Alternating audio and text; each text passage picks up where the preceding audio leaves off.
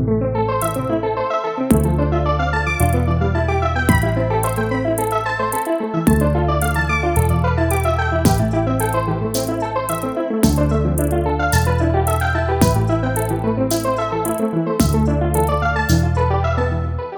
dobry, nazywam się Wojciech Lamik, jestem radcą prawnym i przewodniczącym Komisji do Spraw Nowych Technologii i Transformacji Cyfrowej przy Okręgowej Izbie Radców Prawnych we Wrocławiu. Witam Was bardzo serdecznie w kolejnym odcinku drugiego sezonu podcastu Prawo a Nowe Technologie. Jest ze mną również aplikant radcowski przy OIRP Wrocław Maciej Białas, również członek Komisji do Spraw Nowych Technologii. Cześć Maćku. Cześć Wojtek. Dzisiejszy odcinek poświęcimy game devowi. Jest to branża, która zajmuje się oczywiście tworzeniem gier, i, ale dla wielu prawników jest to dalej ziemia niezbadana, a jednak z roku na rok wzrasta znaczenie tego sektora w polskiej gospodarce. Tematem przyszłego odcinka będzie game dev w ujęciu prawnym. Dzisiaj jednak porozmawiamy o nim jako o zjawisku społecznym oraz też z perspektywy biznesowej. A o tym wszystkim opowie nam nasz dzisiejszy gość. Hubert Marczak, absolwent Uniwersytetu Ekonomicznego we Wrocławiu, pierwsze 4 lata profesjonalnej kariery związanej z bankowością, od 7 lat nieprzerwanie związany z Techlandem w dziale Business Development. Prywatny mąż i ojciec oraz pasjon gier komputerowych oraz popkultury. Dzień dobry Hubercie. Dzień dobry. Hubercie, y, Techland jest na rynku od 1993 roku, e, a na dobre zapisał się w pamięci polskich graczy na początku nowego tysiąclecia. E, przebyliście jako studio długą drogę tytułów takich jak Pet Soccer oraz kultowe X-Band Rally, aż po pierwszoligowego Dying Light 2. E, jak czuje się pracownik polskiego studia, które rozpoznawalne jest, nie bójmy się użyć tego słowa, globalnie? Nie ukrywam, że jest to pewien zaszczyt pracować e, w firmie tego pokroju, tak. E, zawsze wspominam sobie czasy, zanim jeszcze w Techlandzie pracowałem, ale osobiście jako gracz byłem doskonale świadom e, gier, które powstawały, które, którymi razem ze znajomymi zagrywaliśmy się. Pamiętam swój pierwszy komputer, jakieś pierwsze tytuły, to, to już było po tym, jak Techland parę lat na rynku był. Eksterminacje, potem były no, masa różnych tytułów i zawsze gdzieś tam wokoło tych tematów game devowych starałem się kręcić, aczkolwiek e, nie wiązałem z tym ścieżki profesjonalnej. E, gdy jednak tak się zdarzyło, że a, mieszkam we Wrocławiu, pasjonuje mnie temat, może spróbuję. E, no, gdy udało się dostać do firmy, no to nie ukrywam, że poczułem się jak, może to śmiesznie zabrzmi, ale mikrocelebryta, w związku z tym, że jak zacząłem nosić na początku te nasze techlandowe koszulki, e, pierwszy raz w życiu spotkałem mnie sytuację w stylu zadanie pytania, a pan pracuje w Techlandzie, a ty pracujesz w Techlandzie, a opowiedz nam coś, co tam następnego. Oczywiście jak powstawał Dying Light 2, no to musiałem się zmierzyć z, te, z wieloma tego typu pytaniami, e, no i było to wyzwaniem, żeby za dużo nie zdradzić, tak? Takiemu fanowi studia spotkanemu na ulicy. I takie sytuacje nie, nie zdarzały się jedynie w Polsce, ale zdarzały się one również za granicą, także no, myślę, że trzeba być dumnym, e, będąc częścią tak rozpoznawalnej marki. O tobie wiemy i widzimy, że zainteresowany byłeś tematem od lat, ale skąd nagle w Polsce w ostatnich latach pojawiło się tak duże zainteresowanie grami wideo i szeroko pojętym game devem? Ja osobiście uważam, że to zainteresowanie nie tyle pojawiło się nagle, co ono się wyklarowało w takim bardziej oficjalnym nurcie, ponieważ ja po własnym, powiedzmy, doświadczeniu, rozmowach ze znajomymi, z rówieśnikami czy osobami ode mnie starszymi, e, gry były zawsze częścią powiedzmy tych dzieciaków e, końca lat 80., lat 90., tylko wtedy ta, ten świat gier w Polsce wyglądał nieco inaczej, tak? E, tutaj konsole typu Nintendo 64, e, PlayStation to były bardzo drogie sprzęty. Większość graczy wychowała się na tym słynnym Pegasusie, no, który no, nie ukrywajmy był E, kopią e, Nintendo Entertainment System. E, oczywiście wtedy prawo było nieco inne, inaczej się na to patrzyło, tak? Teraz myślę, że z roku na rok ludzie odsuwają się od tego piractwa. Polska była kojarzona swego czasu z takim krajem, gdzie faktycznie no, ludzie e, piracili te licencje do, do gier, już nie wspominając tu o innych, e, o muzyce, o filmach, ale ja oczywiście do gier się odnoszę. Teraz e, w momencie, gdy jakby bogacimy się, zarabiamy nieco więcej w stosunku do naszych zachodnich partnerów. Myślę, że większość ludzi już się w to piractwo, że tak powiem, nie bawi, tylko oficjalną drogą idzie. I stąd też te e, jakby metryki e, idą gwałtownie w górę, ponieważ gaming, granie jako takie staje się coraz bardziej e, przystępne. Mhm. Tak jeszcze na marginesie, chyba też troszeczkę wydaje mi się, że zmieniła się struktura w ogóle co do graczy, bo kiedyś przeglądałem pewną statystykę, gdzie było wskazane, że e, coraz więcej udział, coraz większy udział procentowy e, jest również kobiet e, wśród graczy. To jest też takim wzburzeniem troszeczkę tego mm, wizerunku graczy, tak? W tym w Polsce siłą rzeczy. Tak, jest to niewątpliwie stereotyp, który w dzisiejszych czasach odchodzi do lamusa. Tak? Zdecydowanie więcej i więcej E, kobiet e, mamy w grach, zarówno po stronie tworzenia tych gier, ale również e, jakby grania. Oczywiście, że są pewne różnice, jeśli chodzi o gust tego, jakie gry bardziej preferują mężczyźni, jakie kobiety, ale nie chcę teraz skłamać, nie pamiętam statystyki z głowy, ale wiem, że my mamy stosunkowo wysoki odsetek kobiet, które grają w nasze tytuły E, Dying Light 1 czy Dying Light 2.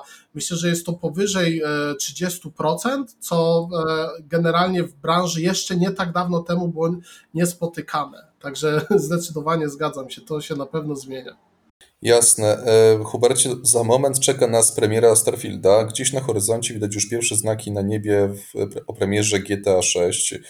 E, gracze oczywiście wiedzą o co chodzi. E, czy Twoim zdaniem ten popyt, głód na coraz to większe, bardziej zaawansowane gry będzie rósł przez następne lata?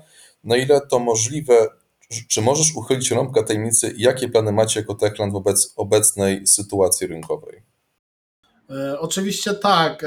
Gry stają się coraz większe, wymagania graczy również myślę, że rosną nieproporcjonalnie E, ponieważ gracze są bardzo świadomą grupą odbiorców, która stawia wysokie wymagania przed twórcami, co owocuje tym, że właśnie powstają e, tego typu produkcje, które wspomniałeś, e, których oczywiście personalnie również nie mogę się doczekać. Jeśli chodzi o sam popyt, myślę, że jesteśmy daleko od, od tej granicy powiedzmy ta, tego tak zwanego szklanego sufitu, myślę, że ten popyt jeszcze będzie rósł i, i nie ma takich, nie ma przesłanek, żeby to się skończyło, tak, jakby dobrym przykładem tego, znaczy dobrym, to był oczywiście mm, powiedzmy jakaś ciekawa obserwacja w nieciekawej sytuacji podczas e, pandemii koronawirusa. E, wszyscy jakby w branży zauważyliśmy, jak dużo ludzi zaczęło, znów, zaczęło albo znów grać, albo wróciło do gier, albo po raz pierwszy do nich po nie sięgnęło, ponieważ no, sytuacja była jaka była, tak? Mieliśmy ograniczone możliwości wyjścia z domu, ograniczone możliwości socjalizacji i do tego były wykonywane, e, wykorzystywane, przepraszam, te gry.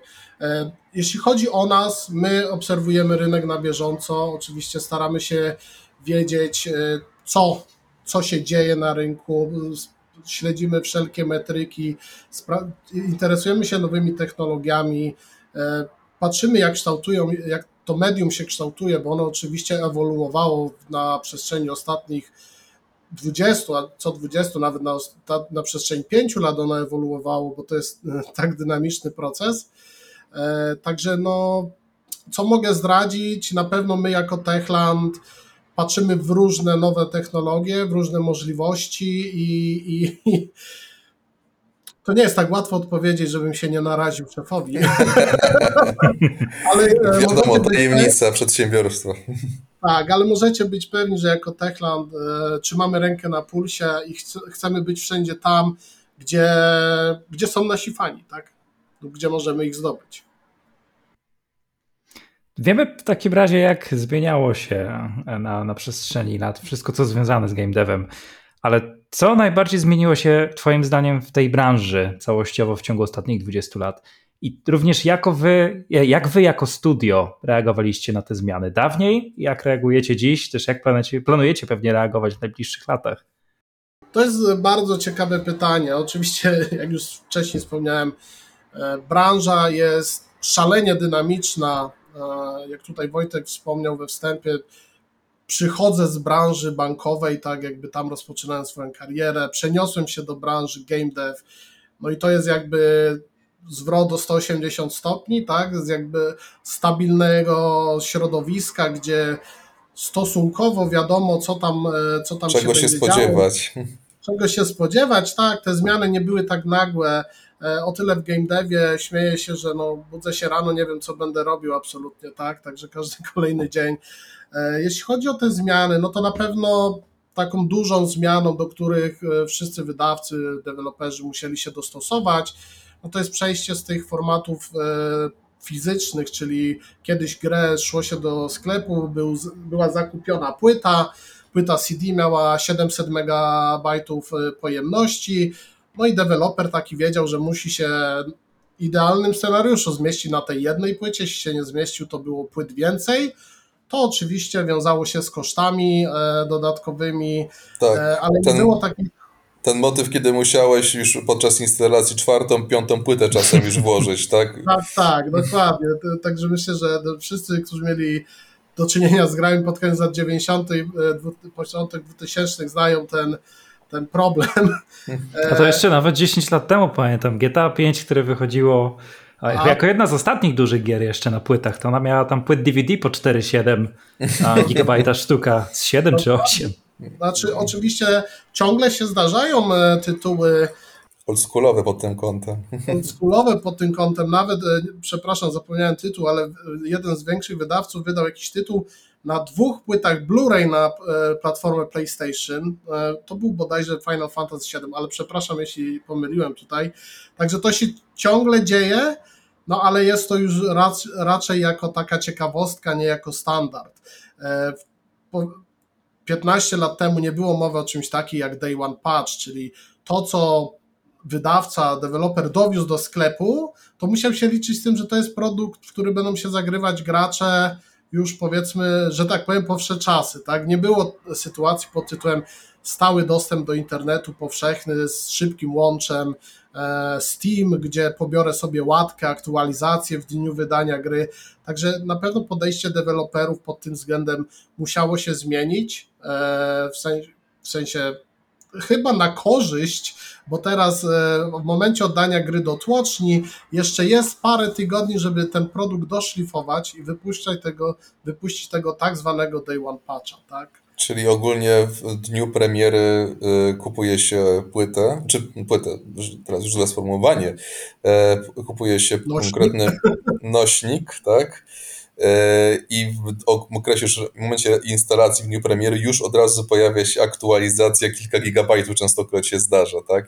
Tak, tak to niestety wygląda. Oczywiście część graczy mówi, że jest to plaga naszych czasów, E, no ale tak jak wspomniałem, to od momentu, kiedy gra musi trafić do tłoczni, do momentu premiery gry mijają powiedzmy mniej więcej 6, 4 tygodnie.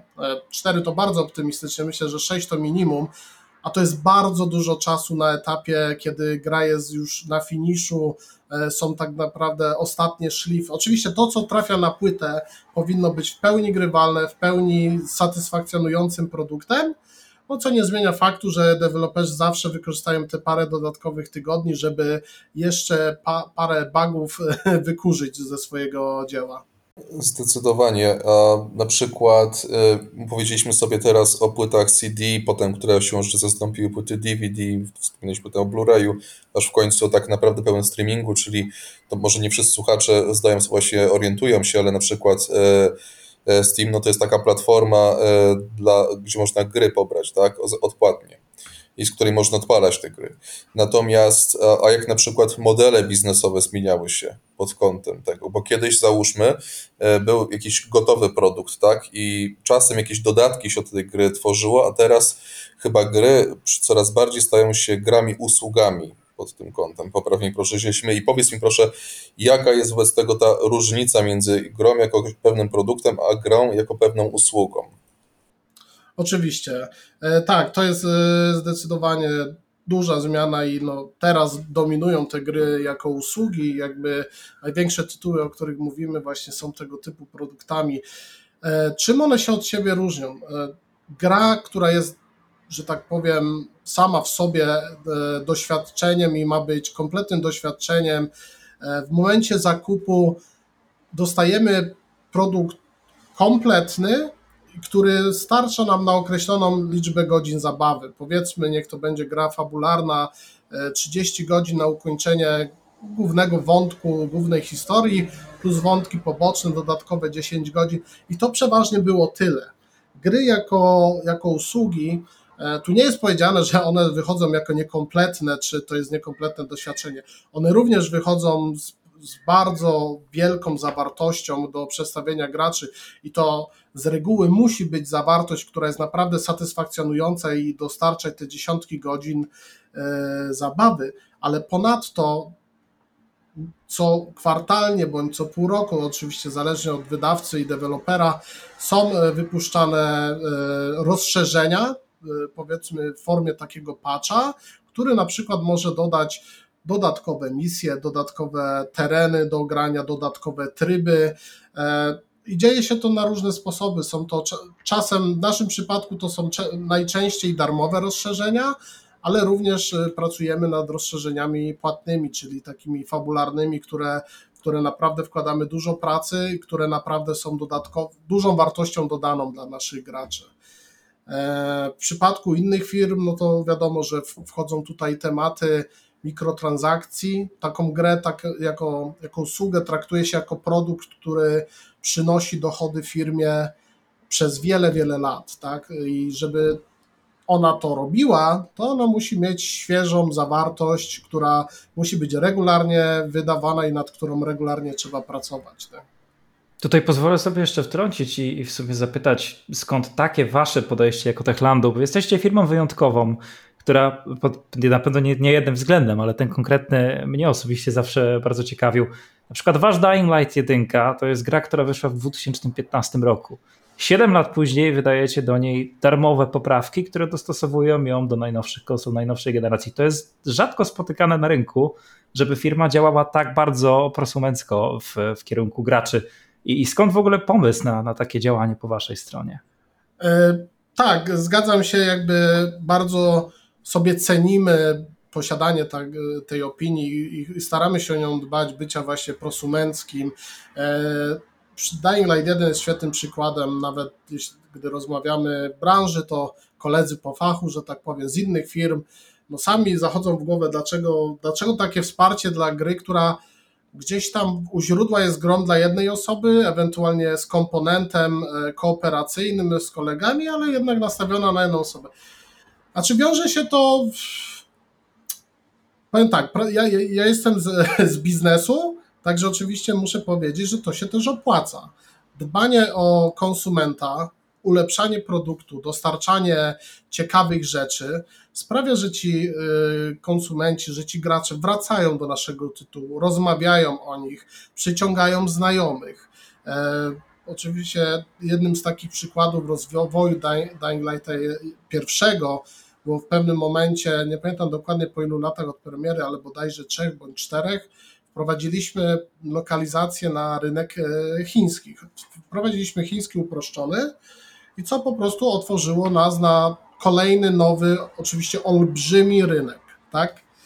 E, no i myślę, że tak jak mówię, z mojej perspektywy, z perspektywy biznesu, bycie prokonsumenckim opłaca się, a, perki pod tytułem usłyszeć miłe słowo dzięki temu od naszych fanów bądź od kolegów z branży przy okazji to jest oczywiście jakaś mega wartość dodana, która bardzo nas cieszy, tak?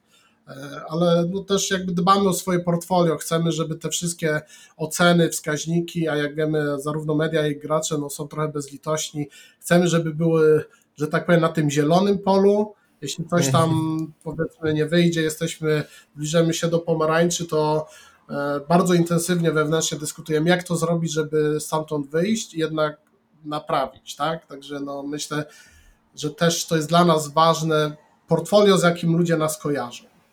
Zdecydowanie tak.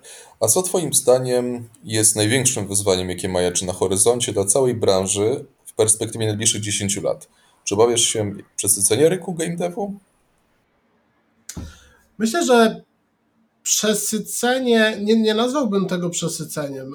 Obecnie jest, jest coś takiego jak bardzo duże nasycenie. Tworzenie gier wideo nie było nigdy łatwiejsze niż jest teraz. I oczywiście nie mówię, że to jest łatwa rzecz. Mówię oczywiście o tym, że są dostępne silniki gotowe z masą tutoriali, gdzie oczywiście prostą jakąś grę e, można, może stworzyć każdy, kto chce po prostu śledzić pewne kroki. To oczywiście daje możliwość bardzo wielu ludziom, żeby spróbować tego, nauczyć się i wyda wydawać własne gry. Przez to po dziennie myślę, że wychodzi, nie chcę skłaniać, ale spokojnie bym się założył, że setki tytułów na Steamie ma swoją premierę codziennie, z czego oczywiście jakościowo tych ty które niosą za, za sobą jakość, jest parę. I bardziej myślę, że zagrożeniem jest właśnie utrzymanie tej jakości, bardziej niż jakaś powiedzmy masowa produkcja e, tytułów, e, zalanie powiedzmy tym kontentem średnim, który rozwodni prezencję powiedzmy tytułów, które są czegoś naprawdę warte, tak? Myślę, że tu również temat, który jest bardzo teraz nośny, AI, sztuczna inteligencja, to jest, myślę, że to jest zarówno szansa, jak i zagrożenie dla branży. Zagrożenie dlatego, że już widać przykłady, gdzie AI potrafi od początku do końca napisać, stworzyć jakąś prostą grę, no i nie wiem, tak gdy sobie gdybam, że rozmawiamy ze znajomymi, no jak to będzie wyglądało za 10-20 lat? Oczywiście technologia się rozwija, czy po prostu game dev nie będzie e, jakimś tam narze- powiedzmy branżą zdominowaną przez właśnie takie twory bez udziału człowieka bezpośredniego, czego oczywiście... Albo z minimalnym udziałem człowieka na przykład. Albo tak? minimalnym. Oczywiście zawsze będzie miejsce na, na dzieła, które są unikatowe, stworzone z, że tak powiem, z ludzkim dotykiem. Nie wierzę, że to wyprze, ale może zalać po prostu świat tak zwanymi średniakami, które gdzieś tam no, będą robiły szum. Zdecydowanie, ale właśnie też to, o czym na początku wskazałeś, że tworzenie gier nigdy nie było tak łatwe jak dzisiaj, choćby nawet przy wykorzystaniu tej sztucznej inteligencji, która na przykład potrafi fragment kodu napisać, tak? albo czasem całą najprostszą grę. Tak? I to też pokazuje, że w ostatnim czasie mamy dość sporo polskich studiów pod tym kątem. Także jeszcze kilka lat temu no, było nie do pomyślenia, że polski rynek pod tym kątem tak bardzo się rozwinie. Tak, i to jest bardzo popularne słowo, chyba najpopular... przepraszam, najpopularniejsze pytanie, które dostaję od jakichś tam partnerów zagranicznych na targach. Co się dzieje z tą Polską w tak relatywnie małym kraju, jak na przykład rozmawiam z Amerykanami, z Chińczykami, Indiami i tak dalej. Indiami i tak dalej. Czemu akurat w Polsce? I oczywiście nieraz się zastanawiałem, myślę, że nie mam na to definitywnej odpowiedzi, ale mogę podzielić się swoją teorią, tak? Jak ja wcześniej wspomniałem, w latach 90., końcówka 80., te wszystkie konsole, które brylowały na zachodzie, w Polsce były albo bardzo drogie, albo w ogóle nie były dostępne. I takie pierwsze zderzenie, jeśli chodzi o gry komputerowe, wielu młodych ludzi, w tym, tym ja wtedy, mia, mieli, gdy mieli pierwszego, pierwszy komputer osobisty. Bo komputer osobisty był uzasadnionym wydatkiem pod tytułem OK, to się przyda do nauki, to się przyda do tego. Tak się przekonywało rodziców, tak, tak. To... Oczywiście, ale jakby ten argument działał, no, łatwiej mi było przekonać rodziców, że potrzebuję no, komputer z drukarką, tutaj różne rzeczy ciekawe, niż PlayStation, które de facto no, tylko można na nim grać. Także myśl, to jest taka moja teoria, będę się jej trzymał. Nie wiem, czy jest prawdziwa, ale po prostu u nas ta PC-towa przewaga była komputery osobiste. Ludzie byli dociekliwi, kombinowali, jak sprawić, żeby coś zadziałało. Bawili się tymi grami, ustawieniami w tych komputerach. Ile razy jakaś gra, powiedzmy tak, out of the box z pudła nie chciała zadziałać, no to trzeba było spędzić dwie godziny, kombinować i myślę, że to obudziło ciekawość w wielu ludziach i taką sprawność jakby w posługiwaniu się, zrozumieniu tego, jak ten, e, jak ten świat gier działa. E, no druga sprawa, że my jako rynek jesteśmy w porównaniu do zachodnich rynków bardzo pecetowy do tej pory również. Także wie, wielu, wielu e, ludzi, którzy mają do czynienia z grami, no to jednak z poziomu peceta, gdzie można pogrzebać w przeciwieństwie do konsol.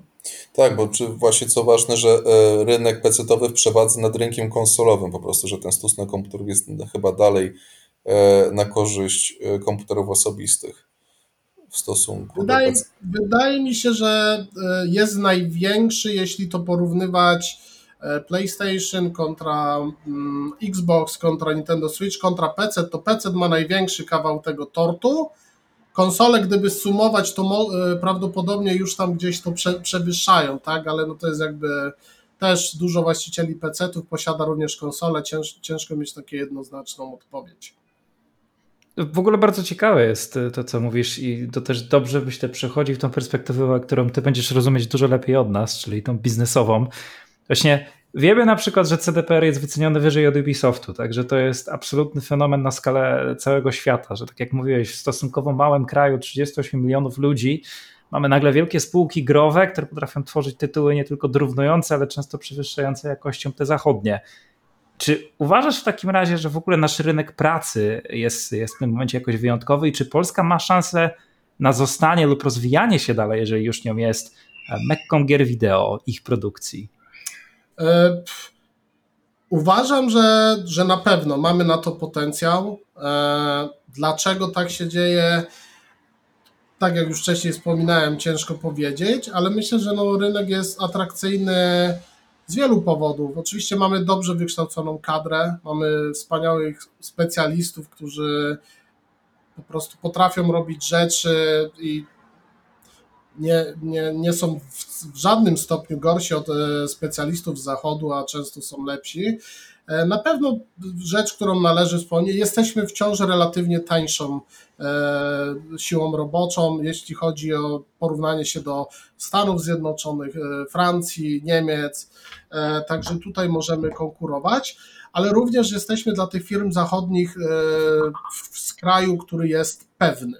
Czyli takie, gdy nawiązują relacje inwestorskie, gdy szukają jakiejś e, siły takiej informatycznej, e, żeby e, jakąś pracę programistyczną wykonać i mają do wyboru specjalistów z Polski, bądź specjalistów z Indii, bądź Bangladeszu, firmy zachodnie są nieco bardziej pewne tej Polski z racji, że jesteśmy w Unii, że jesteśmy tu relatywnie, mamy rzeczy prawnie uregulowane, i myślę, że to jest taki, taki sweet spot e, między, między ceną, jakością, no ale też pewnością, te, powiedzmy, jakby geopolityczną. Hubercie, powiedz mi proszę, czy Polska jest równie dobrym rynkiem dla koncernów zagranicznych, które zajmują się game devem?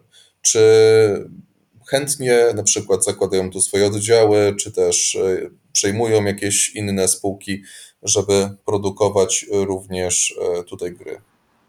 Oczywiście, e, jak najbardziej wiele zagranicznych, bardzo dużych graczy posiada swoje oddziały w Polsce, przenosi części swoich biznesów e, z krajów zachodnich, ponieważ zdają sobie sprawę, że mogą osiągnąć równie dobrą, a może lepszą jakość tej pracy tutaj za porównywalne bądź często niższe, niższe środki, tak?